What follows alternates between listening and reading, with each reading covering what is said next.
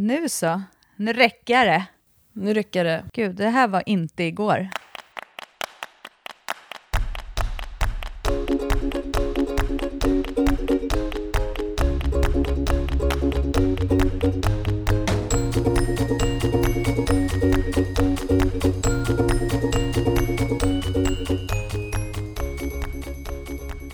Jag, eh, alltså jag har ju lite svårt att skratta, så att jag tänker att vi lägger in sen så skratt och så gör jag så här ha ha ha ha ha.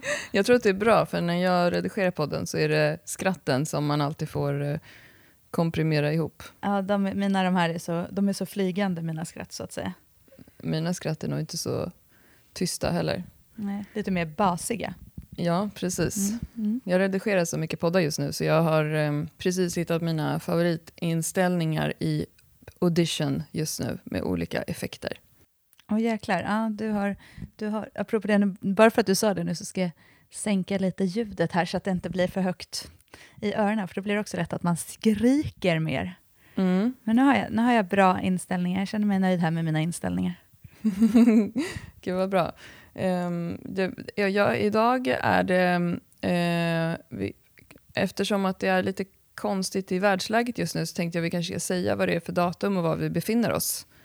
Ja, Ehm, och idag är det den, eh, fredagen den 11 mars 2022 och eh, vi befinner oss just nu i en tid där vi har ett krig som pågår där Ryssland har invaderat Ukraina. Och vi ska inte prata, det här avsnittet ska inte handla om eh, kriget, för jag tror också, Um, vi kanske kommer till det, men att vi behöver typ prata friskvård just nu för hur folk mår. Men det, det påverkar ju eh, alla runt omkring oss. Och jag tänkte att eh, vi kanske bara skulle säga lite kort, eh, lite så här, vad, vad kan man göra för att eh, må bättre i den här situationen just nu? som sagt, jag tror alla, man måste hitta sitt egna hur man ska göra. För att i början av det här, för några, någon, några veckor sedan, nu har det väl pågått i mer, lite mer än två veckor, snart i två veckor.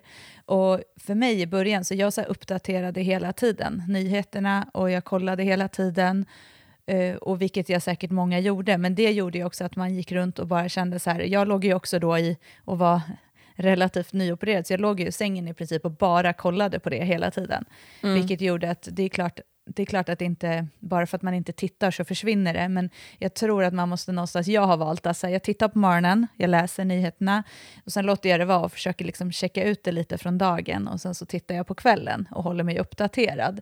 Eh, och framförallt så, um, eh, jag kollar väldigt mycket på vad jag kan visa barnen, för mina barn och framförallt den äldsta har varit väldigt orolig och är väldigt orolig.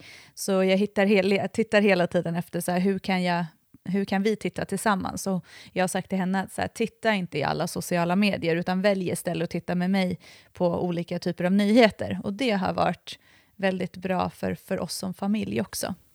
Ja, jag tycker Försvarsmakten har varit eh, bra också. De är bra att gå in och kolla på även på Instagram och sådär. De gör ju regelbundna uppdateringar om, om läget och så också. Och Jag tänker att det där är ju en naturlig reaktion för att det, mm, även om det pågår krig, eh, fruktansvärda krig överallt i världen just nu och gör hela tiden så har det här blivit en väldigt stor grej för Sverige. Dels tror jag för att Ukraina ligger så nära. Eh, och, och sen också för att det finns det här eh, eventuella då hotet mot Sverige som också blir påmint. Men, eh, men det, är, ehm, det är ju, ehm, upplever jag, för min del så är det samma personer runt omkring mig som jag umgås med som engagerar sig i att ta emot flyktingar. Jag har två kompisar som har tagit emot flyktingfamiljer just nu. Känns jättebra. Jag har en kompis som har samlat in 75 000 och skickat ner skyddsvästar och hjälmar till kompisar som han har där nere. Så att det, det sker jättemycket, men det är också väldigt då att man känner sig maktlös om man känner att man inte gör någonting. Och jag hade också en period nu när jag mådde pissigt. Eh, och då är det väldigt lätt att man fastnar i det där med nyhetsflödet. Men jag tänker att eh, eh, en konkret grej som man faktiskt kan göra om man känner sig maktlös är att försöka må bättre själv. Och det låter kanske lite så här präktigt eller så, men det är lättare att känna att man kan göra små bidrag till andra om man mår bättre själv. Och för egen del så bestämde jag mig, precis som du Johanna, att jag ska inte titta nyheterna lika ofta. Eh, jag ska eh, träna Jag ska gå ut i, i dagsljuset och typ må bättre av det. Eh, och sen så ska jag engagera mig eh, ideellt. Och eh, om man inte har möjlighet att engagera sig ideellt, vilket jag verkligen har förståelse för att alla inte kan, ehm, så eh, ett tips är eh, om man är Coop-medlem, det är jag, då kan man till exempel eh, använda sina Coop-poäng och skänka eh, pengar till UNHCR. Eh, det är bara så här, och grejen är att när det är såna här situationer och folk mobiliserar runt sig och så här, alla små saker räknas. Alltså finns det någon, någon eh, lokal Facebookgrupp där du bor eh, som tar emot eh, eh flyktingar. De kanske behöver någonting. Där kan man kolla, kan jag liksom bidra på något sätt till det här? Även om man inte har, jag menar, jag bor i vardagsrummet eh, med mina barn. Jag har inte möjlighet att ha någon i mitt hem. Men jag, alltså, man kan göra någonting. Och sen tänker jag också så här, bestämma sig för att eh, acceptera att allting räknas. Alltså det gör mm. verkligen det. Alla små, små grejer eh, räknas. Och sen även en till grej som jag vill tipsa om är också att eh, läsa på lite om de positiva grejer som eh, görs och har gjorts hela tiden i världen där man faktiskt har åstadkommit förändring politiskt till det bättre. Eh, för att det får man inte glömma att det sker också. Och det tycker jag att media har varit väldigt dåliga på under den här tiden. För att medierapporteringen är ju väldigt så alarmistisk och eh, fokuserar bara på liksom, det hemska och det negativa. Men eh, Sverige är ju ett land som eh, har jobbat mycket och i många år med bistånd eh, och diplomatiska relationer. Och det ska vi inte glömma heller. Så det var Nej. allt från mig. Jag tycker dock, måste jag få säga, att Magdalena Andersson mm. är otroligt... Eh, det känns väldigt stabilt att ha henne i, mm. liksom, som någon typ av frontfigur för Sverige just nu. Eh, faktiskt, jag tycker att hon... Alltså verkligen så här, det finns en extrem tydlighet och hon syns och hörs och tycker jag är väldigt tydlig i det hon liksom, informerar oss om eller liksom, pratar ut till folket. Det känns faktiskt väldigt bra. Ja men eh, precis, då har vi eh, gett lite tips till eh, hur man kan må bättre och sen också så här återigen har man inte möjlighet att aktivt göra någonting för att hjälpa andra människor eller liksom skicka pengar till eh, organisationer, det har ju vi full förståelse för. Um, det, det, behöver man inte liksom känna dåligt samvete över, tycker jag. Nej, det tycker inte jag heller. Verkligen inte. Alla gör så gott de kan och man gör det man kan för att bidra.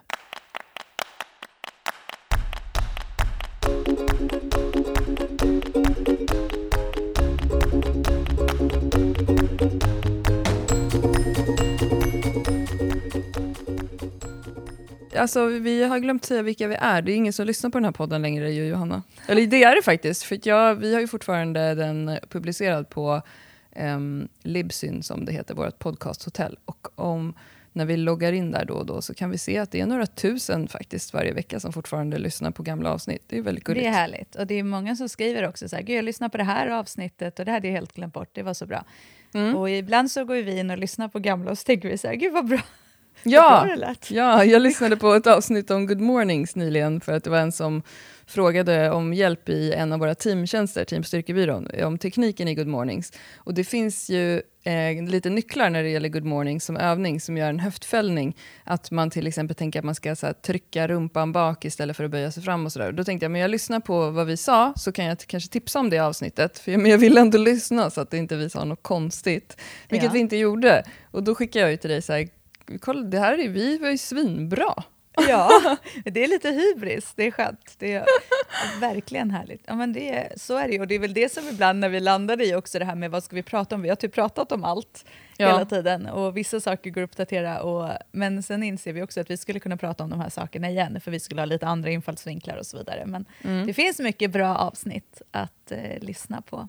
Det gör det. Sen finns det säkert massa saker som, eftersom att vi alltid har haft den approachen till träning, att det är under utveckling och det ändras eh, rekommendationer och saker hela tiden. Så det kommer inte, kanske vissa saker kommer vara lite annorlunda och sådär. Men jag håller verkligen med i det du säger. En av anledningarna att vi eh, pausade podden var ju för att vi kände att vi ser inte den här podden som någon slags business för våra kunder där vi liksom eh, tänker så här, men vi repeterar det här en gång till bara för att göra ett avsnitt. Vi klarar ju inte det. Du och jag är ju väldigt mycket känslomänniskor vi klarar inte av att sitta hemma och bara, nu har det kommit en ny studie om biceps curl. Om vi känner själva att vi inte aktivt eh, testar den eh, metoden eller någonting själva. Om vi känner, och vi slutade ju jobba på, på ett gym, alltså på Crossfiteken under pandemin. Och så kände vi så här, vi, vi klarar inte av att vara fake liksom.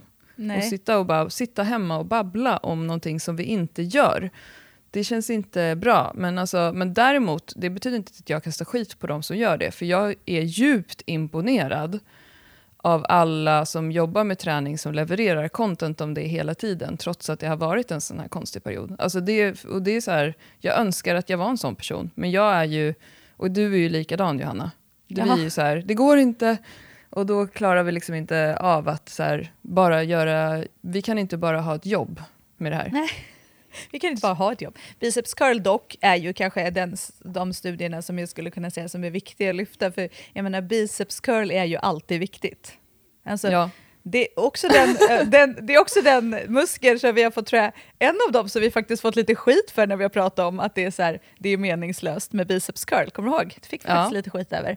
Eh, för. Men eh, Mm. biceps curl dock en viktig övning för om man ska ha eh, stora armar. Ja, min favoritbicepsövning kom jag fram till på gymmet häromdagen är nog att göra eh, excentriska, vad säger man, nedsänkningar, alltså mm, chins med eh, handflatan emot dig, Just det. där du börjar uppifrån med bröstet mot räcket och sen långsamt sträcker ut. Jag kan inte säga vad övningen heter, men alltså det är ju en grym excentrisk biceps curl. Ja, alltså egentligen är det ju en excentrisk räckhäv, men det, i och med Ja. att du har, alltså med handflatan emot dig då, för att det gör ju att du får, du jobbar ju också med så himla stor del av kroppen, så det blir en så stor övning till skillnad från om du sitter med en hantel, Mm. plus att det blir också en mycket större vikt och eh, alltså för musklerna så blir det mer påfrestning än vad du kanske kan ta med en hantel. Och det är därför den övningen är så bra. Och chins generellt, eller räckhäv då, som, man, som det heter på svenska, är ju en jättebra överkroppsövning för att du jobbar med så stor del av överkroppen. Och det, är ju, och det var ju det som vi hamnade i när vi pratade om biceps curl, vet jag, att just det här att stora övningar ger ju stor input i din träning. Alltså tränar du stora övningar så kommer du att eh, eh, kanske få eh, snabbare resultat eller mer resultat av din träning. Men att det kan också vara lite härligt att få pumpa lite. Ja, jag, jag har ju inte tränat det mycket alls de senaste åren. Det har inte varit i något av eh, programmen som jag har följt och jag har inte haft något fokus på det. Och så skulle jag göra det på gymmet häromdagen och tänkte, tänkte så här på riktigt, jag vet inte om jag kan göra en enda längre. Men jag ser till så här fem år sedan så, så kunde jag göra liksom 15 stycken. Och Men- men jag-. Ja, men jag, men jag kunde faktiskt göra fyror. Bra! Shit, det är fan imponerande Klara. Ja, och det visar ju ändå på något sätt också att eh, kroppen är ehm, intressant. Ja, Alltså- men också att det underhåll du ändå har gjort, alltså det som du har gjort, har ju ändå på något sätt så här behållit väldigt mycket styrka. Ja, för just det, Och- alltså de vertikala pressövningarna, alltså press över huvudet, det har jag inte gjort någonting heller. Så jag, jag tänkte bara att så här, det kommer inte, det kommer inte, det kommer inte lösa sig. Nej, men, Men, det, eh, tji fick du. Ja, det var härligt. Jag blev väldigt glad för det. Du, en av, en av frågorna som vi har fått eh, som känns naturligt att fråga nu, det är ju hur det går för dig Johanna. Eh, för du tränar väl ingenting just nu? Eh, jag ska se här frågan, vi har ju fått in massa roliga frågor på Instagram. Ja, men den var typ, hur går det med Johanna? Alltså vad är det du har gjort? Vad har jag gjort? Ja, men min träning just nu eh, är ju alltså djupandning och lätta buktrycksspänningar. Eh, lite tåhäv och små knäböj. Men jag ska berätta, börja från början, spola tillbaka bandet. Nu är det ju, på måndag är det tre veckor sedan jag gjorde en eh, bukoperation. Alltså jag gjorde en full bukoperation och sydde ihop eh, mina magmuskler rectus diastas. Eh, så att jag, och jag gjorde ju det eh, därför att för eh, lite mer än ja, ett år sedan ungefär så gjorde jag en, min andra navelbrocksoperation.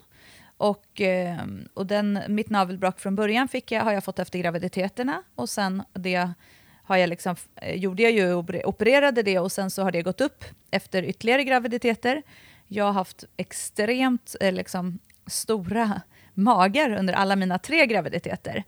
Och, eh, och sen så gjorde jag då en, valde jag att göra den operationen och då var det lite på tal om jag skulle sy ihop magmusklerna och göra den stora operationen redan då. Men det är en stor operation och jag kände inte riktigt att jag ville göra det för att jag tyckte inte heller att jag egentligen behövde det. Alltså rent... Men du sydde ihop lite grann va? Ja, för, och då, men det de gjorde då var att de ändå sydde lite ovanför naven en bit upp Eh, och gjorde mitt, lagade mitt brock som då var eh, helt obefintligt från tidigare som jag hade gjort operationen. Och det kändes ju jättebra och jag återhämtade mig liksom snabbt från det och jag tog det jättelugnt och, så här, och tränade. Har ju inte egentligen lyft speciellt tungt efter det men har ändå haft en liksom progression i, i träningen och, och det jag kände helt plötsligt var ju så här, jaha, okej, okay, nu fattar jag hur det är att liksom få ett tryck på ett helt annat sätt. Alltså jag kände eh, hur jag liksom kunde, det var ju övre delen av magen, att jag kunde liksom slå på på ett annat sätt Eh, och, eh, och jag tror också att när jag då kunde göra det så blev den undre delen av magen faktiskt lidande av att jag faktiskt tog ut, tidigare kanske det på något sätt har varit så här, det har varit ett jämn hål, alltså det har liksom varit jämnt över hela. Men nu blev det på något sätt som att överdelen, jag fick mer kraft där och jag tror att min upplevelse, det är svårt att förklara, men det var som att det det pyst, pös ut, alltså underdelen. Jag kunde också, kände också mycket mer i ländryggen. Eh, och jag opererade ju brocket för att jag började få ont av brocket. Så det var inte så att jag bara opererade brocket för att jag ville operera utan det var ju för att jag började känna eh, att jag fick, det liksom var tryck där och jag fick lite ont och sådär. Jag kommer så... ihåg att vi var och tränade och så kände du att du blev jättetrött i ländryggen av Good Mornings. Alltså mm. efter, efter den här sena, förra operationen. Och ja. sen kommer jag också ihåg att efter att du hade spelat hockey att du berättade att, att liksom nedre delen av magen blev svullen. Mm. Ja, men så jag kände skillnader och eh, började väl fundera lite och sen så eh, träffade läkaren och pratade med hen och kände att så här, nej men okej, okay, jag gör det här nu. Jag, jag tänker att nu är jag ändå snart 40, jag är inte 40 än, även om jag trodde att jag skulle fylla 40 år. Eh, jag fyller 40 nästa år och jag har rätt många år kvar av eh, idrottande och att jag vill vara stark och jag vill hålla. Jag vill inte om liksom, tio år då eh, känna att så här, ja, men jag gjorde inte det här och sen är det kanske en tuffare operation då, för så är det ju de facto att att kroppen är ju, är man tränad så har man lättare för att återhämta sig och så vidare. Så då bestämde jag mig för det i alla fall. Så då gjorde jag det för snart tre veckor sedan. Eh, jag vet att det är en stor operation. Jag tror inte riktigt att jag hade så gått in i huvudet hur stort det är. Men eh, jag, eh, i alla fall innan operationen så bad jag läkaren att fotografera min mage. Eh, när de hade liksom öppnat upp allting. För det de gör är ju att de skär upp huden ner till eh, och sen så typ öppnar de upp allt och så, så syr de igen eh, muskulaturen. Och de syr, liksom, vad jag förstår, nu kanske det är om någon läkare som sitter och lyssnar som bara så där gör man inte alls, men vad jag förstår så se, syr man ju i det här senstråket. Liksom. Du syr ju inte muskel till muskel, utan du vill ju ha en viss... Eh, liksom, de sitter ju inte ihop helt, det ska de ju inte göra. Men eh, så, så syr man där i alla fall. Och att jag har sytt tre gånger nu, upp och ner. Så, och jag hade ganska ordentlig delning. Och det, alltså det ska ju inte det spelar ju ingen roll, det har vi sagt förut också, det handlar ju om funktionen. Men mm. jag menar, jag kunde ju känna nu att, att min, jag hade en viss, till viss del nedsatt funktion och det vill jag inte ha. Jag vill vara fullt fungerande och jag vill hålla resten av livet. Så det här är, för mig är det här liksom for the rest of my life, typ lite så. Eh, men i alla fall, så jag gjorde den och eh, allting gick jättebra.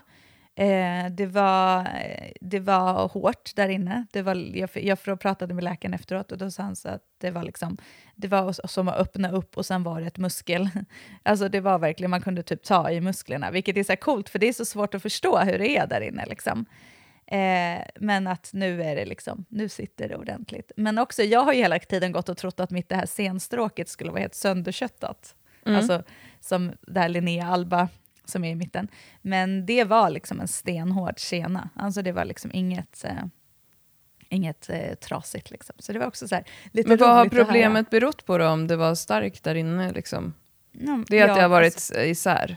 Ja, alltså, ja att, och att uppenbarligen så blev det väl så, för det var ju egentligen först, alltså problemet var navelbrocket och så, så sydde de upp till, för att det var ju inte att jag gjorde en full bukoperation heller, så jag menar, det är ju ganska stor skillnad att sy lite grann nära naveln och sy hela. Och då blev det väl liksom att när jag fick det sytt så vart det uppenbart att att liksom då, om man tänker den här tunnan som bålen är, så blev det liksom så här, ja men vi syr här uppe och där nere då, där blev det en läcka liksom. Så skulle jag eh, väl säga. Mm. Eh, men jag, de första två veckorna, det är ju, man är ju, sover ju såklart kvar eh, på sjukhuset när man har gjort en sån här operation.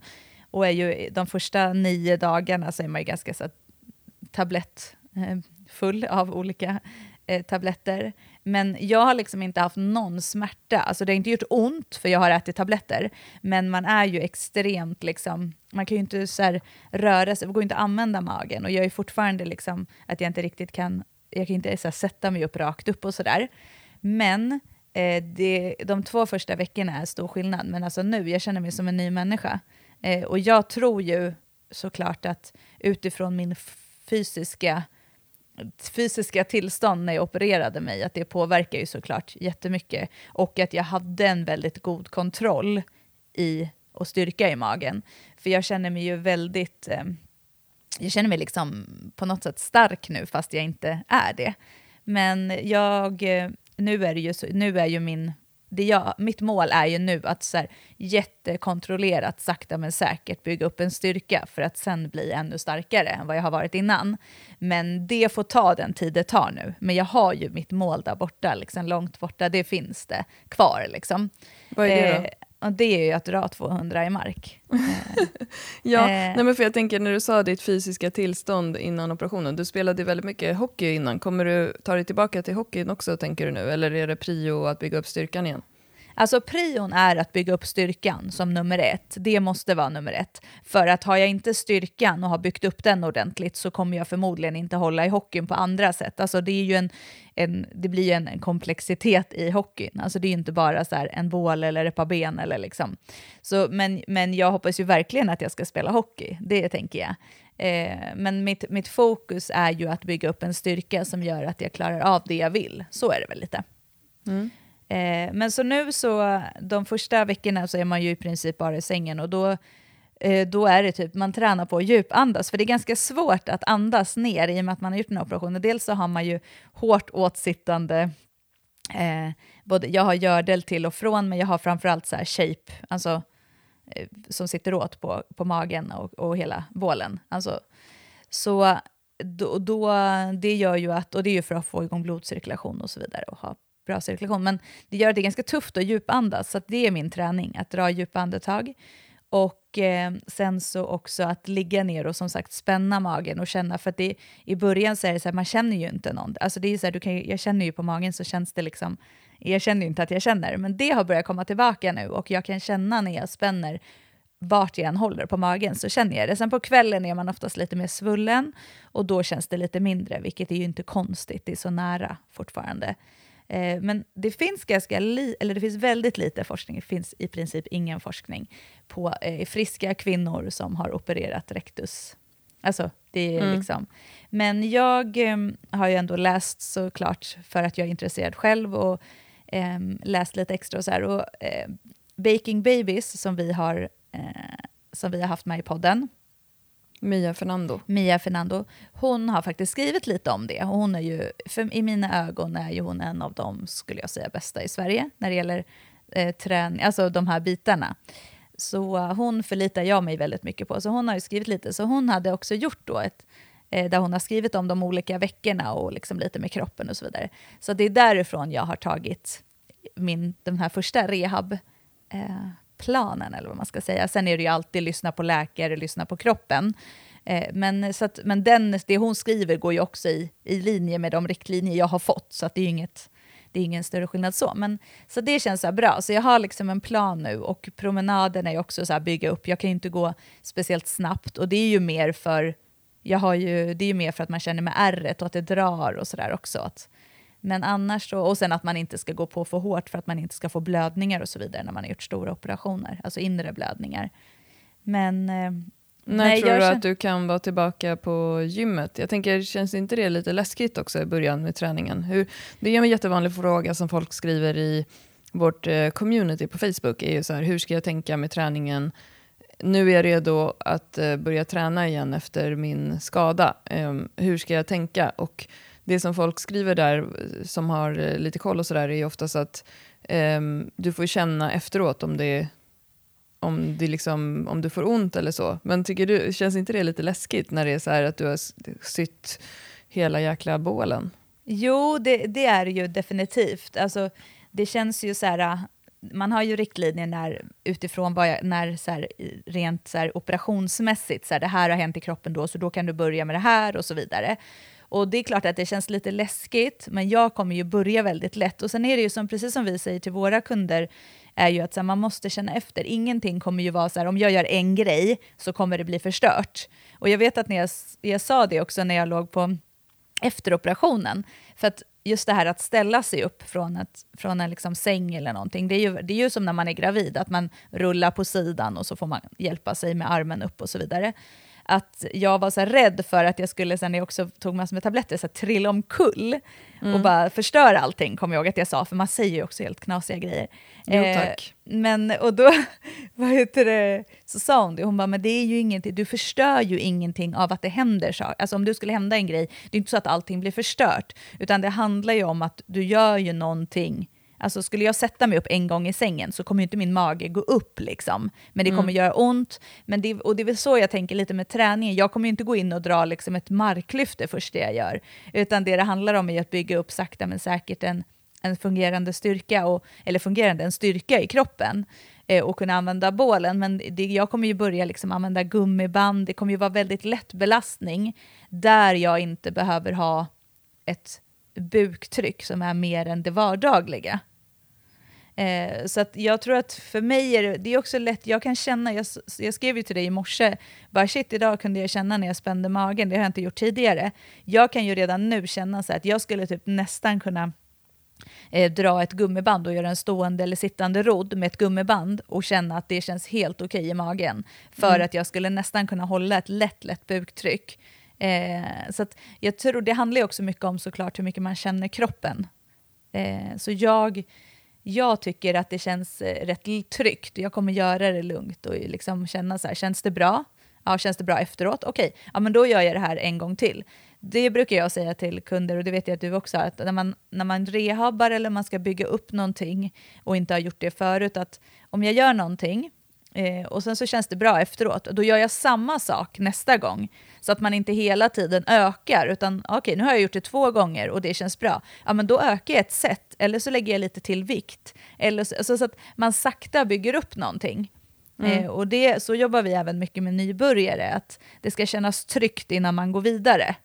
Eh, och, och på så sätt så, så är det ju också att man går utifrån känslan i kroppen. Så att jag, känner, jag känner mig verkligen så här pepp inför den här perioden och, och jag känner mig framförallt pepp att få gå till gymmet, även om jag kommer göra gummibandsövningar och fyrstående övningar med lätt buktryck, så känns det väldigt pepp att få gå till en miljö och göra det. Och det tror jag också är när man ska komma igång med någonting, att faktiskt gå till ett gym och göra sina övningar, även om det är 20 minuter, så tror jag att det ger också en känsla av att man faktiskt gör någonting. Så det ser jag fram emot. Mm. Mitt bästa under den här perioden var när jag, eh, jag hade en keps på mig som ger ett så märke i pannan och så la jag ut på Instagram så här, eh, det känns eh, bra efter lobotomin och så skrev du så här, har du gjort det? Aj, aj, gud, jag kan Har- inte skratta. Och att, så här, att du inte, ett, okej jag förstår att du kanske inte riktigt visste vad en lobotomi var, men en lobotomi var ju ett ingrepp som man började göra i början på 1900-talet, eller var det tidigare, där man tog bort en Ja. del av hjärnan på psykiskt sjuka. Eh, Alltså det här är jag har ju också sett, Klara efter det här nu så har jag ju blivit så här, jag har ju läst om det här varför att du skrev så här, jag fattar ju ingenting. Sen skrev jag ju efter ett tag också, skrev jag till dig, förlåt jag är typ drogad, jag ska nog Ja. inte fokusera på så här så mycket nu. Ja, men du Jag skrev så här, har du koppla." gjort detta? Och sen kom du med den så här, det är en operation på hjärnan. Nej, det har du inte gjort, hade du skrivit. Ja men gud, alltså, ja, jag vet verkligen det. Och så, så, men jag har också kollat på en dokumentär från Vetenskapens värld sen om hjärnforskning och jag är helt fascinerad av det här. Men, men det där var faktiskt fruktansvärt. Man ju utförde ju sådana där eh, operationer på testade, på, alltså det är faktiskt hemskt. Men grejen är, jag kunde inte koppla det då. Och jag bara tänkte så här, nu har hon gjort... För jag började också tänka så här, är det något ny teknik man har som man sätter några elektroder på hjärnan? För jag har också läst om hur man placerar elektroder på hjärnan och sen så för att ändra eh, så här, kommunikationsvägarna. Och det gör man typ med människor som har så, ja, ångest eller såna här, här tvångstankar och sånt. Finns det så här, man har gjort det, man gör det i USA, det är ytterst nytt fortfarande. Men så jag började ju så här, vad har hon gjort nu? Är det något så här för depression eller någonting? Ja, men jag lovar att berätta för dig om jag ska göra en lobotomi. Tack, vad skönt. Klara har alltså inte gjort det, ni som läste, tänk om de som såg det då, som bara, men gud, så här, och så har gått och oroat sig här. Ja men Johanna. Okej, okay. jag, alltså jag är också, jag, klar, jag är inte så himla bra på att förstå så här, gud nu vet jag inte, finner jag inte ens ordet, när folk är så här ironiska. Alltså jag har svårt att förstå ironi också, så jag är inte så lätt i det här. Och så tänk då dessutom så här, tre olika morfintabletter på det. Jo, så, men lobotomi, Johanna. Jo, men jag vet. Men ja, jag vet. Jag, ja, okej. Okay. Ja, okay. Men det var ju också... Hur kom du på att skriva det då? Du var ironisk. Jag förstår inte ironi. Märket. Jo, jag vet, jag vet. Ja, ja. men okej. Men nu, det känns bra. Nu har jag koll på det och det känns bra nu. Och ja. Men ja, nej men så fasen, jag är taggad och mår bra. Jag lovar att jag ska eh, lägga ut också eh, hela den här Eh, rehaben. Och det är många som faktiskt har, många som ska göra operationen och som är taggade och, så här, och, och frågar och sånt. Men vad heter det? Jag ska också lägga till, nu låter det typ som att så här, det var en dans på rosor. De första tio dagarna, det var ju ingen dans på rosor. Och man får ju också lite så här postoperationsdepp och man ångrar sig och varför har jag gjort det här? Och så, man har ju många, det är inte så här, jag menar inte att jag bara woho! Men jag hade inte ont, fast man äter ju mycket mediciner och sånt. Man får jättekonstiga tankar av morfin ja. också. Och drömmar. Ja. Ja, exakt. Så, att, så det är klart att den tiden, ja, då låg jag i princip i sängen och blev servad här hemifrån. Jag gjorde ingenting annat än att gå på toaletten. Typ. Det var min... Alltså så här, och jag hade en kroppstrumpa med hål i eh, mellan benen och eh, som man kissade i en tratt. Så, här. Alltså det, så det, det är liksom en helt så här, uh, märklig situation. Men eh, också så här, ja, det är bra att man gjort det. Jag, eh, jag försökte raka benen här eh, i, igår också och det var inte så lätt kan jag säga. Fick typ sitta så här med ett ben lite på en kran och så försöka nå, så jag så tussar på benet. Typ, Men det var ändå en härlig känsla.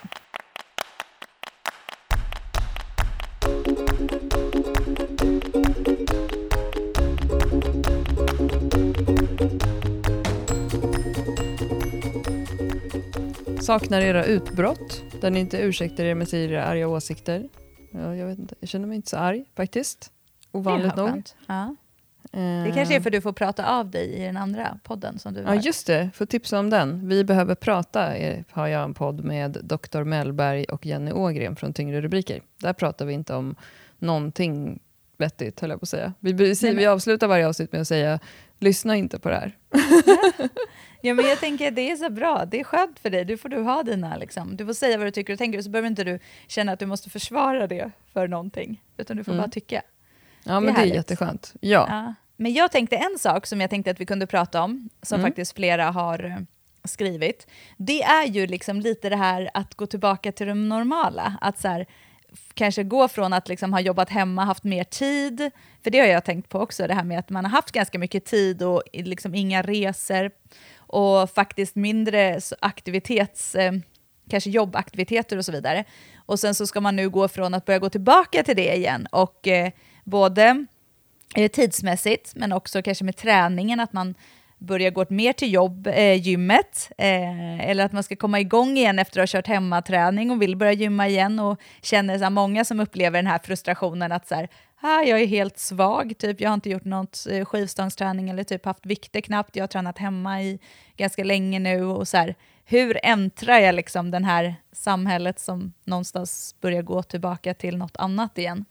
Ja, och då om jag får då, eh, nu kanske jag är lite arg ändå, men prata om lite sånt som vi brukar prata om i den här podden när det gäller forskning och sånt där, så kan jag säga några saker som jag har uppmärksammat på sistone. Eh, och det är inte bara på sistone, utan det är över en lång tid. Eh, dels har det kommit en hel del studier på eh, Sveriges liksom, friskvård under pandemin. Vi har pratat om det i podden också, tror jag, förra året. En studie från Mälardalens högskola, tror jag, eller det var en rapport som visade att eh, eh, aktiviteten under pandemin såklart minskade jättemycket för att vi satt hemma. Sen kom det en till studie som visade att kvinnor tränade mindre under pandemin, män tränade mer. Sen kom det en till studie som visade att kvinnor tog mer ansvar i hemmet under pandemin. Och Det trodde man var kopplat till att många barn och ungdomar hade distansundervisning och att det var mammorna som tog det, drog det största lasset i hemmet då med barnen. Eh, nu kommer jag till den sista här som eh, man också blir lite matt och trött av. Och det är en studie som inte har publicerats än, men den kommer i vår från Karolinska. Den ligger alltså och väntar. Eh, och det är en studie som visar att män blir sjukare och mår sämre när de lever i jämställda relationer. Och vad beror det på, Johanna? Jo, det beror på så här. Det man kan se är att kvinnors välbefinnande ökar om man fördelar det betalda och obetalda arbetet jämnare. Det vill säga såklart att man får avlastning i hemmet. Eh, och man kan också se att en ojämställd relation generellt oftare leder till skilsmässa. Det är ju inte heller så konstigt att förstå. Eh, men eh, att män i jämställda relationer då, deras ohälsa ökar därför att då blir de jämnare med kvinnorna. För de får mer att göra i hemmet, vilket gör att man inte kan investera i sin hälsa så mycket. Eh, så de här sakerna har jag lite i bakhuvudet när man pratar om det här med att, att liksom gå tillbaka. Nu vet jag att eh, alla som lyssnar på den här podden inte lever i en heterosexuell relation med barn. Eh, men det är intressant eh, eftersom att väldigt många gör det, tycker jag. Och när vi pratar om hälsa ur liksom ett samhällsperspektiv eh, Ehm, att se på just den här faktorn. Att, att, när man pratar om det här med att kvinnor tränade mindre och män tränar mer, då chansar jag bara på, alltså det är bara min chansning, på att eh, det handlar om att kvinnor tränar mer socialt, kan jag tänka mig, än vad män gör. Kvinnor kanske mer tränar i grupp, går på Friskis som ställde in sina pass och så vidare. Eh, Medan män, eh, oftare än kvinnor i alla fall, upplever jag, du får säga till mig om du har fel, tränar ensamma. Alltså cykelmän, springmän, Eh, alltså att man, så här materialsport, man, man kan alltid gå, alltså gå ut och cykla själv, är ju, har ju funkat jättebra under pandemin, eller springa och så vidare. Men också framförallt då det här kopplat till att, att kvinnan då har tagit ett större ansvar i hemmet när alla har varit hemma. Um, så det jag tänker, för att sammanfatta den här äh, lilla dystopiska sammanfattningen jag just gjorde, så tänker jag att om det är så att man lyssnar på den här podden och lever i en heterosexuell relation med barn, så kanske man ska ta också och se över sina, liksom, sin tid hemma och sin fördelning på det. Eh, för att skapa mer förutsättningar för att alla ska må bra.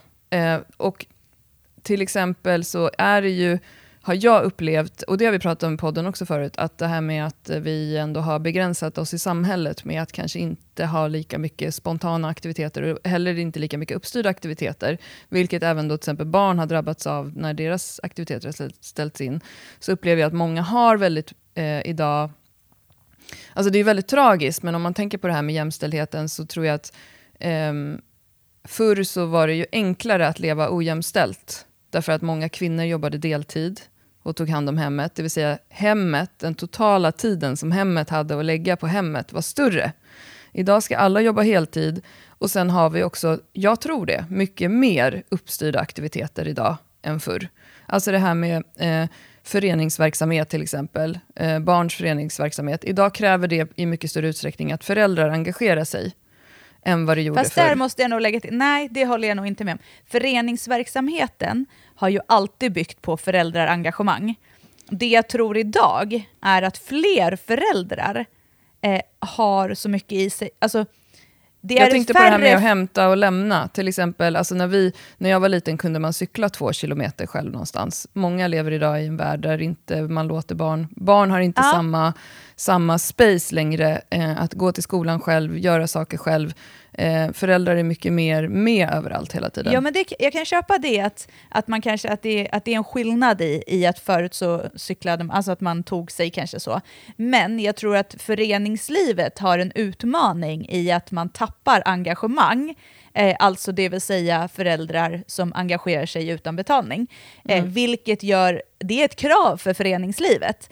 Och jag tror, skulle fler engagera sig i föreningslivet, nu här går jag igång på för att jag själv är engagerad och kan se ibland så här hur mycket tid man lägger och att man ibland önskar liksom att fler kunde lägga mer tid. Sen säger jag, det är precis som du sa innan när vi började prata, alla kan inte vara med och engagera sig i allting. Och det kan man inte liksom kräva heller. Eh, men skulle fler göra lite, så skulle det kanske underlätta då. Alltså det skulle ju skapa en förutsättning som gör att ja, om jag engagerar mig lite, om jag bara tar hand om den här lilla biten, ja men då kan den här personen få lite mer tid som istället gör allt nu och så vidare. Så där skulle jag säga att eh, på det sättet så är, är det, jag tror lite att det är fara idag i föreningslivet, att vi engagerar oss inte alls. Nej, ja, Sen är att hämta och lämna sina barn, det är en annan sak. Eh, och, och det, kan ju, det är klart att i den mån det går så är det ju underlättare, för att mycket föreningsliv är också så här, alltså vi har gått på is klockan fyra i vinter. Alltså fyra så är vi på isen. Det är ju liksom, kräver ju att jag som ledare har ett, en, en liksom sysselsättning som godkänner att jag kan vara på is klockan fyra. Det kan man ju inte kräva av alla. Eh, alltså, Nej, det, och det här är ju så på politisk nivå. Och en, en sak jag glömde lägga till i min totalt jätteorsakssamband, kausalitets, personliga, eh, det var nästan så konspirationsteoretisk dragning från min del, så jag vill verkligen att man ska ta det med en nypa salt. Eh, det, det, har också kommit, eh, den 20 februari tror jag det var, eh, så har regeringen har tillsatt en kommitté, skräll, som utreder det här med folkhälsan just nu eh, efter pandemin. Och då har de valt att fokusera på fyra eller fem områden och de har kommit med ett utlåtande där de ser så här, de här områdena behöver samhället eh, göra någonting. Sen är jag lite så här, ja, man tillsätter en kommitté och så gör man en utredning. Och sen bara, alltså det krävs ganska stora grejer tycker jag för att man ska prioritera friskvård i samhället på ett sätt också så att inte folk tycker att det är ramaskri. Men där ett område var skolan och det handlar om så här, hur kan man få in mer rörelse under dagarna och hur kan man ändra skolgårdarna. En, ett område var arbetsplatserna. Där har ju du och jag jobbat som fasen med under pandemin med friskvård för företag. Eh, jag kommer inte ihåg alla områden, men ett område var också föreningslivet. Mm. Eh, och eh, jag skrev lite på Twitter om det här och då var det faktiskt en tjej som skrev så här, för, alltså jag skrev lite om det här med att så här, jag tror ibland att det offentliga skulle behöva ta inspiration från det privata näringslivet när det gäller så här, eh, startups eller innovation. Att man tänker så här, vi testar något helt annat. Du vet, vi vänder på det. Vi testar något helt annat och så experimenterar vi en period och så ser vi vad som händer. Eh, och då skrev hon, och det, menar, så här, det är kanske inte en dum idé, så här, eh, kortare arbetstid för anställda som engagerar sig i föreningsverksamhet. Alltså, Um, alltså samhället kommer ju behöva göra någonting. Jag kommer inte liksom tänka att det kommer hända någonting av den här rapporten förrän någon verkligen har gjort något. Men det är ju, eh, och framförallt i Stockholm såklart, men jag tror i hela Sverige, det är ett problem med idrottshallar. Det är ja, ett problem och det är därför ni får, får en, en träningstid klockan fyra, eh, som typ bara vissa kan då gå på såklart. Mm. Nej, eh, och det, menar, så det är ju så här, ska vi ändra på populationsnivå, liksom, förutsättningar för att folk ska må bättre nu, då krävs det också vad var det Magdalena Andersson sa om vapenexporten till Ukraina? Under exceptionella omständigheter krävs det exceptionella beslut. Mm. Alltså, ja, men det är verkligen det så. sker ju aldrig på friskvårdsområdet. Utan det som sker är att så här, vi måste prata mer om friskvård. Eller så här, alla, får, alla får friskvårdsbidrag. Vi höjer friskvårdsbidraget. Alltså så här, nej, det hjälper jag, inte. Nej. nej. utan jag tror snarare så här, ta in någon sån här flummig framtidsforskargrupp. Alltså, du vet, gör någonting helt annat. Testa någonting helt annat. Men det kommer ju, ja tyvärr, dystopisk igen. Jag tror inte det kommer ske. Och nu var det här en jättelång grej som inte har att göra med så här, att någon har skrivit på Instagram, hur ska man tänka när man ska komma tillbaka? Men jag vill bara måla upp landskapet kring var vi befinner upp, oss. Ja, du har gjort en eh, fantastisk målbild. Och för att landa tillbaka i det du började med, där vi faktiskt började prata om lite om jämställdhet, alltså i ett förhållande. Eh, och eh, som sagt, som du sa, det rör inte alla, men en väldigt stor del, eh, är ju faktiskt, och det har vi pratat extremt mycket om eh, i den här podden, och jag vill verkligen trycka på det, det handlar om kommunikation i förhållandet. Jag tror, och det här är av erfarenhet också, med eh, kvinnor som jag har träffat som lever i eh, heterosexuella förhållanden eh, med barn, att ehm, man, eh, kanske också underskattar eh, sin egna tid, eller underkastar sig sin egna tid. Det vill säga, man tycker inte att sin egna tid är lika mycket värd och att man prioriterar inte sig själv på det sättet. Men också åt andra hållet, om man vänder på det, man överskattar också sin egen insats kanske ja. i det här familjepusslet. För att det, det landar också i att, eh, fan vad jag hatar ordet familjepusslet, det gör ju typ att man könsorganet Fast... skrumpnar. Men alltså, um, nej, men att man också tänker att man själv är så oumbärlig. Så ja. att man också alltså, inte prioriterar sig själv. Alltså nej, till, men... att, att liksom man, man låter, alltså det var bara en, en kompis till både dig och mig sa till mig häromdagen, så här, jag tycker det är så svårt att säga nej till alla barnens aktiviteter, för de vill så gärna. Och då blir jag, så här, då blir jag lite sträng. Eh, och det är väl för att vi har jobbat med det här så länge och blir så här, ja fast vad, är, vad händer i slutändan om du aldrig prioriterar dig själv? Alltså återigen det här eh, när vi pratar om hur man kan agera i den här situationen när alla mår dåligt. Vad säger man på ett flygplan vid en flygplansolycka? Sätt på syrgasmasken på dig själv först. Mm. Alltså, um, det blir ju orimligt och för mig blir det där alltid så tydligt som då lever ensamstående. Uh, att från att jag separerade, jag, och det tycker jag är så skönt, jag har ju mycket mer fritid än många jag känner som lever i, i liksom då kärnfamiljer. Det, jag får ju säga till mina barn att det där är inte möjligt, det är inte rimligt, vi kan inte ha massa grejer, för att det går inte, för jag är ensam. Eh, och det löser ju jättemycket. Alltså barn kan ju också, man måste ju kanske också, alla i en, en familj måste ju ha lika mycket tid, rätt till det. Mm. Men jag tänker också, det, när du säger sådär om familjepussel, det jag ville komma till, mm. det är ju också att så här, jag måste också då våga lämna bort, och det är det du säger när man överskattar ja. sig själv, att så här, det där kanske inte jag måste göra, det klarar någon annan att göra. Ja. Eh, och vad heter vi har, nu har vi jobbat så här sjukt mycket och jag vet att familjepussel, det, blir, det är tråkigt, men ju mer struktur och liksom eh, koll på tiden och vad ska man säga, familjemöten och faktiskt kommunikation och, och planering man har, eh, så är det faktiskt så att man får mer tid till att göra andra saker, det vill säga fritid, träning, vad det nu är man vill göra. Och det där är lite som nu när jag pluggar eh, till lärare också, att det är lite så att i ett klassrum, ju mer fyrkantig du är, desto mer utrymme har du till roliga saker till att vara lite galen och våga gå outside the box. Men har du inte strukturen, ordningen, så kommer det bli kaos, för att det klarar inte alla. Alltså det är lite så jag tänker att man måste också tänka i sin familj, att när man ska gå tillbaka nu, om jag vill ha ett antal träningspass i veckan, då krävs det ju att man liksom lite sätter sig ner och tittar på så här, hur ser det ut? Alltså vart finns den här tiden? Hur kan jag frigöra den här tiden? Behöver vi prioritera någonting i familjen? Behöver vi prioritera bort någonting i familjen?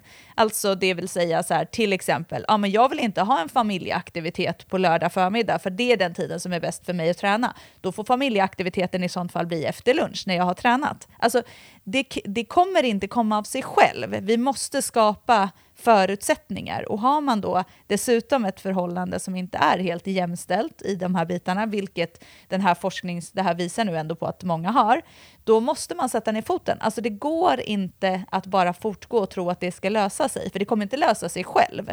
Och då är det ju så här de facto, om inte ens partner tycker att det är lika viktigt att jag eh, får den tiden jag behöver för att träna, för att kunna göra det, gå mina promenader eller vad det nu än är. Dra åt helvete. Alltså varför leva med en sån människa? Jag, kan, jag blir galen. Nej men alltså på riktigt. Det finns, jag vet. Då, den ja, men det personen så här, Cry me a river värde. om den där rapporten. Att så här, åh, nu, får män, nu börjar män må sämre för att de blir De jämställda. kan väl må dåligt då? då? Ja. Psykisk ohälsa liksom, på riktigt. Alltså ja. ska de börja må Välkommen. dåligt? Välkommen. Ja men lite så. Alltså det är faktiskt, jag, jag kan tycka att det är färdigklappat nu. Fan, det är 2022. Eh, det är liksom, nej, fort, folk får, säger fortfarande grattis på internationella kvinnodagen. Liksom, skjut mig! Kom igen, fan, gör något istället. Nu blir jag, nej, där tänker jag inte Nej, och Så. det här stämmer ju även om man inte då lever i en heterosexuell relation eller har barn. Så är det Verkligen. ett jättebra tips att liksom verkligen eh, kommunicera hela tiden. Prata, prata, prata. Så säg vad du förväntar dig. Om det är så att man är ihop med ett släpp som inte fattar vad man förväntar sig, då måste man säga det till den personen om och om igen också. Och just titta på det som utifrån eh, liksom ett schema.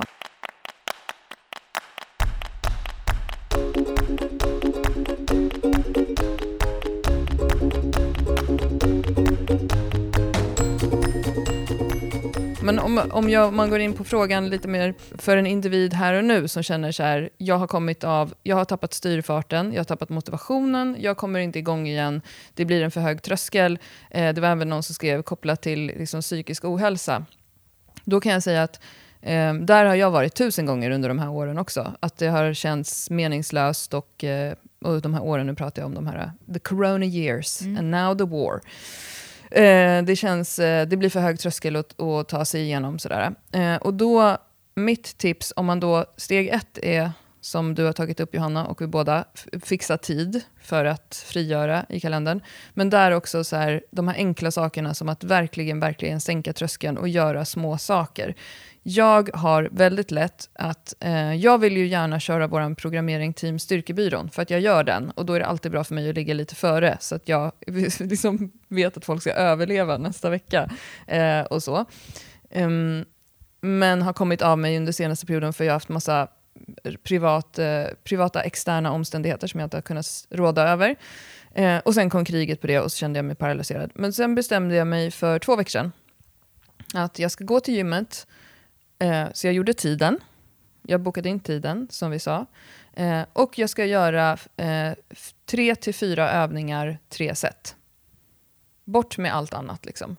Det är ju, eh, och grejen är, det är så himla intressant Johanna, för att du vet redan efter att jag hade kört tre pass, först kände jag så här, gud vad bra, inga, inga data, inga siffror, bara så här, tre övningar, eller fyra övningar har det oftast varit, tre set. Sen direkt efter tre pass bara, ja, men det, är ju, det är ju nice med knäböj och marklyft. Så här, jag kanske ska lägga till lite set och jag kanske ska göra det. Och nu den här veckan i Team Cirkelbyrån så gör de treor. Jag kanske ska byta ut, eh, kanske inte ska köra så många. rep. Och sen så är det plötsligt bara, men vad håller jag på med? Nu håller jag på att bygga upp tröskeln igen. För då blev det helt plötsligt så här, då kommer det ta längre tid. Alltså förstår du vad sjukt? Ja, så de, det, man och då direkt bara, nej, man... slog mig själv på fingrarna och sen så gick jag tillbaka och gjorde det där igen. Och grejen är, de här passen har tagit mig ungefär 40 minuter varje gång. Alltså, och, då, och då har jag också sagt till mig själv så här, Klara Fröberg, du har 40 minuter. Alltså det tar mig sju minuter att komma till gymmet. Du har en timme varje dag. Ja, det, så är det ju. Och det, men man ska, alltså, och du, som du säger, du har faktiskt varit i det här och också inte liksom mått topp, utan det har faktiskt varit tufft och du har gjort det här beslutet. Men jag tror just det här med tiden, att frigöra den lilla tiden, för det som det sen ger när du kommer tillbaka och typ skickar det där smset och bara fan, jag känner mig typ som en ny människa. För vad har du gjort? Du har varit 40 minuter på ett gym och det bidrar med så mycket. Och det finns ju oändligt mycket forskning som visar, så det är ju inget hittepå, att om vi tar oss dit så kommer vi att må bättre.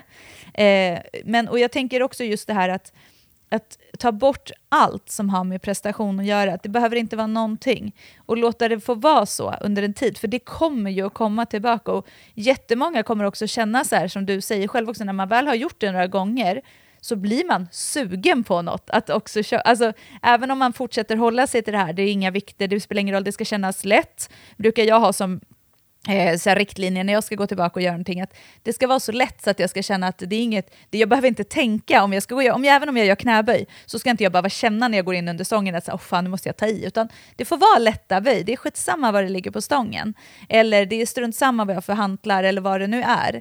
Jag gör det här, och just att göra roliga, alltså få det här glädje, liksom känslan av härligt, gud jag ska gå och göra mina bästa övningar på gymmet nu, bara de som jag älskar att göra, och är det biceps curl och Eh, min som jag alltid gör är typ eh, så här, axellyft, hantellyft i sidled och några flies och sånt. Är det sådana övningar och det är jättesmå inom situationstecken övningar, så skitsamma. Det är viktigare att man får känna glädje och att man får känna att man var, har varit där och gjort någonting eh, och vill gå dit igen och få längta till att gå dit igen.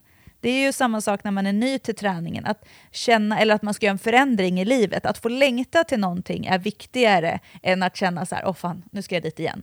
Mm. Ja, och, och träningsverk, bara det har jag märkt de här veckorna. Träningsverk gör att jag känner mig snyggare. Mm. Och känner jag mig snyggare, då eh, tycker andra att jag är trevligare. Ja, för du blir gladare. Alltså det ja. är ju mentalt. Men så liksom för att någonstans summera det här så är det ju så här, skapa förutsättningar, se till att du har kommunikationen hemma om du lever i ett förhållande, det spelar inte någon roll vilket förhållande, se till att ni har en kommunikation och att din tid är precis lika viktig som alla andras tid i familjen. Mm. Eh, sänk tröskeln ordentligt, alltså verkligen. Sätt inga krav på tid. Det kan vara 20 minuter du är på gymmet, det är strunt samma. Skapa förutsättningar för att gå dit. Börja liksom gör, skapa en ny rutin igen, för det är det vi behöver. Eh, välj roliga övningar, välj övningar som du känner att det är härligt. Strunta i vikten, gör samma sak nästa gång om du tyckte det var skönt. Du behöver inte öka vikten till nästa gång. När du har gjort det två gånger, ja men lägg till ett set då eller lägg på lite vikt om du vill.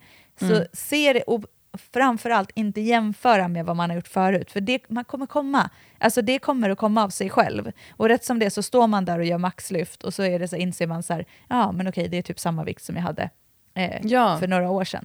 Ja, jag tycker det är jättebra. Jag tänkte också avrunda med att läsa upp vad en tjej skrev som eh, följer Team Styrkebyrån. Eh, för att en vanlig grej som folk, jag tycker många hetsar som kör de här programmen och skriver i Facebookgruppen att de liksom är så här, nu kändes det lätt, nu kändes det tungt, vilken övning ska jag göra, det finns inte kabelmaskin på mitt gym, vad kan jag göra istället? Och så är, tycker jag vi alltid är så här, det spelar inte så stor roll, försök att ha kontinuitet i träningen. Det går ju liksom inte in i skallen hos många. Och då, utan att ha liksom tjatat fram det, så skrev den här tjejen så här. Eh, för hon skrev typ så här, ja men jag, jag Jo, hon skrev så här, tack för programmeringen i teamet just nu. Känner mig som en pansarvagn som bara fortsätter nöta och krossa. Skymtade magmuskler igår och tänkte body by styrkebyrån. Älskar detta block. Eh, och så, skrev jag, så frågade jag, så här, men är det någonting som har känts svårt eller eh, någonting du behöver jobba vidare på eller något sånt där? Vad, något, vad, vad, känner du? typ? Så skrev hon, och det här tycker jag är viktigt då för folk att höra. Jag har inte kö kört assistövningarna eftersom det har tagit mig typ en timme per pass och jag har känt mig jävligt nöjd med det ändå. Eh, jag tycker det känns bra, bättre i alla delar eftersom vi har nött på med mycket rep, reps sedan årsskiftet. Jag tror att jag kommer krossa mina PBs nästa maxning. Eh, jag har hybris efter varje pass på grund av att det inte är för tungt. Och utan er hade jag inte masat mig till gymmet tre gånger eh, i veckan. Eh, och flera år av träning eh, efter era program, inklusive pandemiuppehåll, har jag aldrig varit skadad eller starkare. Flyttade nyss och pa pausade gymmet i två veckor. Flytten kändes pisslet i kroppen och det gick jättebra att hoppa rakt in i programmeringen igen. Gud, jag får faktiskt, nu känner jag lite här en skörhet i att jag ja. får tårar i ögonen. Och ja, jag får också fint. lite ståpäls. För att det typ sammanfattar ju exakt det som är liksom hela vår filosofi. Typ. Exakt. Typ. Att göra, göra, göra och om du gör så kommer du att känna liksom, den här mentala styrkan som ändå beskrivs på något sätt. Mm. Liksom. Och ja, även då, fysiska styrkan. Ja men exakt, och då är det så här, hon har kört tre gånger i veckan, hon har inte haft tid att göra assistansövningarna, hon har kommit av sig ibland med uppehåll och hon går framåt. Mm. Det behöver liksom inte vara, alltså, många är, tror att det liksom är, eh, alltså när man bakar, baka alltså söt, eh, vad heter det, saker, då, då tycker jag att det är viktigt att man följer ett recept. För det kan verkligen bli jättetokigt om man tar för mycket bakpulver eller för lite bakpulver eller för få ägg. Eh, men när man tränar så är det inte lika viktigt. Och det blir hela tiden den här balansen i att vi säljer alla de här träningsprogrammen. Eh, och då tror folk, även om vi alltid skriver och alltid har med i alla våra träningsprogram att man kan byta ut övningar hur man vill och sådär, så, så blir ändå folk väldigt så här, låsta. Och det tror jag också blir ett stort problem då när man kommer av sig med träningen och ska komma tillbaka. Men, men kolla här, liksom. Bara, alltså, det är så jäkla kul att höra sånt där. Men jag tänker, där är också en, ändå en intressant sak som du tog det här med bakningen. Mm. För jag tror till exempel, det är ju för att så här, för dig och mig är träningen någonting som vi kan. Vi, har, vi litar på processen, vi har en kunskap om det, vi har hållit på med det i många, många år.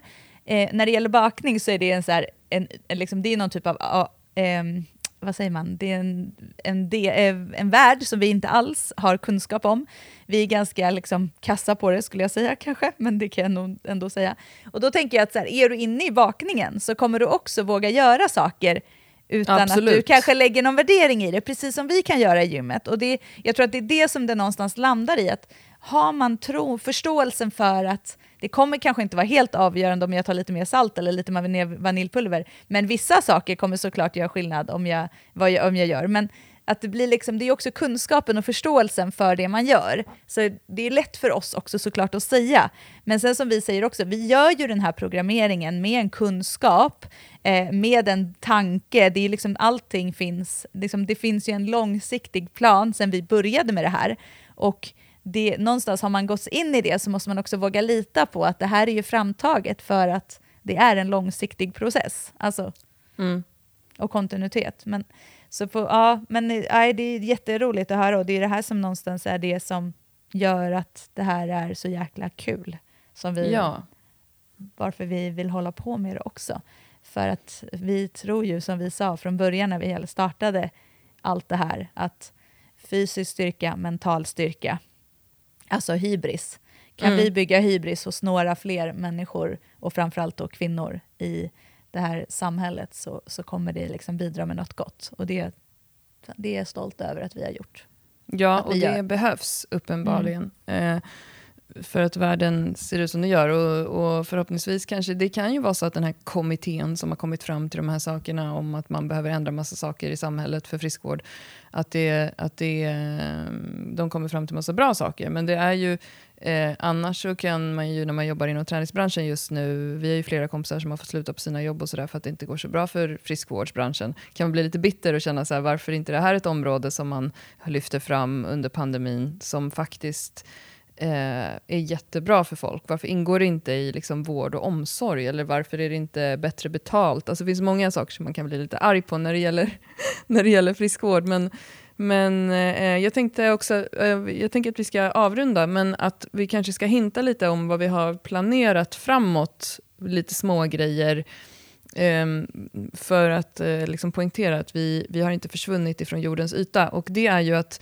vi fortsätter ju med våra team. Det är jätteroligt att det är ett gäng som tränar på i våra medlemstjänster som vi hänger med och de hänger vi med online var, varje vecka så det syns kanske inte utåt så mycket. Men sen har vi ju en tanke på att vi faktiskt ska dra igång med våra eh, workshops och eh, lite resande i Sverige igen och träffa folk. Därför att det är ju det som vi längtar efter mest av allt just nu och det var ju det som var det stora liksom, sorgen för oss under pandemin, att vi fick eh, avbryta och ställa in så pass mycket. Men vi har ju tänkt att vi ska göra sådana saker som vi själva skulle vilja gå på. Ja, Ja, så det kommer. Det är bara att hålla utkik. Vi håller på mm. att samlar ihop ett antal platser vi vill åka till, tänkte jag säga, och där vi eh, kommer och tjatar hål i huvudet på folk och lyfter. Eh, så det kommer, men vi, vi hoppas på ett gäng i alla fall tillfällen här innan sommaren och vi har även eh, efter sommaren lite eh, grejer som, är, som ska bara sättas detaljer egentligen. Ja, och jag tänker att vi också jag hoppas att vi ska kunna dra ihop bara liksom en liten mindre kväll här i Stockholm också för att kicka mm. off oss själva och, och kanske ha någon sån marklyftcirkel på Eken med eh, bubbel och snacks. Ja. Någon, någon fredag det, eller lördag. Det kommer mer och eh, det känns väldigt, det är väldigt härligt för oss eh, att få känna att fasen, nu får vi börja lajva lite. Lajva!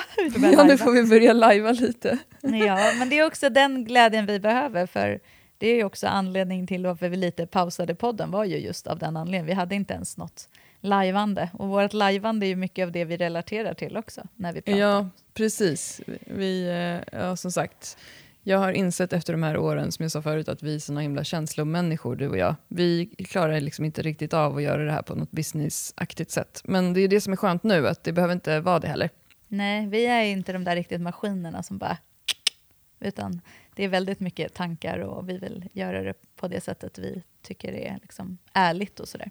Ja, det skulle inte förvåna mig om fem år om vi har liksom tagit fram något koncept för någonting helt annat och jobbar...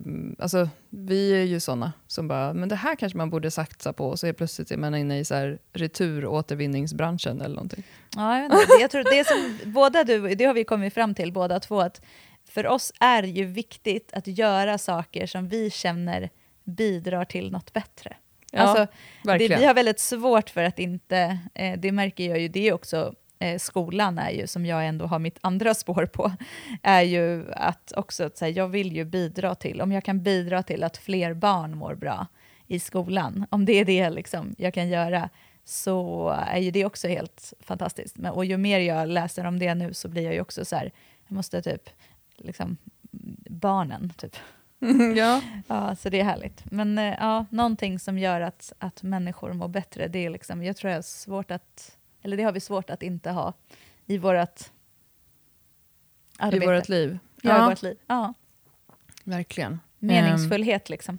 Ja, och där eh, som psykisk ohälsa är en del av ett område som jag tycker är jätteviktigt. Och, och andra saker. Men eh, det, det blir bra. Vi, eh, eh, vi, vi tuffar på på vårt håll. Och sen så tycker jag vi, vi tar upp fler frågor i nästa avsnitt. Ja, nu får det bli fler. Men Ja. en avslutning då, som flera hade skrivit, jag fattar inte riktigt. Så här glass, alltså är det typ av vilken glassort vi gillar? Eller? Nej men det var nog för att en av bilderna eh, till Ja, frågestunden det. var på när vi fick En hem glass. en massa glass som vi Just testade. det.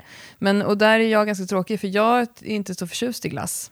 Jag blir så det. pruttig av glass. Du är ingen glassmänniska, men jag, Nej. eh, jag eh, säger att, eh, då kan jag säga att jag älskar salted caramel. Det är alla dagar i veckan, om jag ska äta glass. Häagen-Dazs salted caramel. Mm. Jag gillar om det är någon slags nötter i tror jag, glass. Det är ju den. Mhm, Okej. Den är lite så här um, karamellig, eh, typ nöt, någon typ av nöt i. Ja. Mm. Annars så Typ. är, är jag mer personen som tar ett glas dessertvin till kaffet. Härligt. Ja. Glass tar jag, dessertvin tar du. Eh, det har varit sjukt mysigt att prata. Mm. Eh, och fasen, ja vi gör om det snart. Ja, vi hörs snart. Kram Det på dig. vi. Kram på dig. Hej då. Hej då.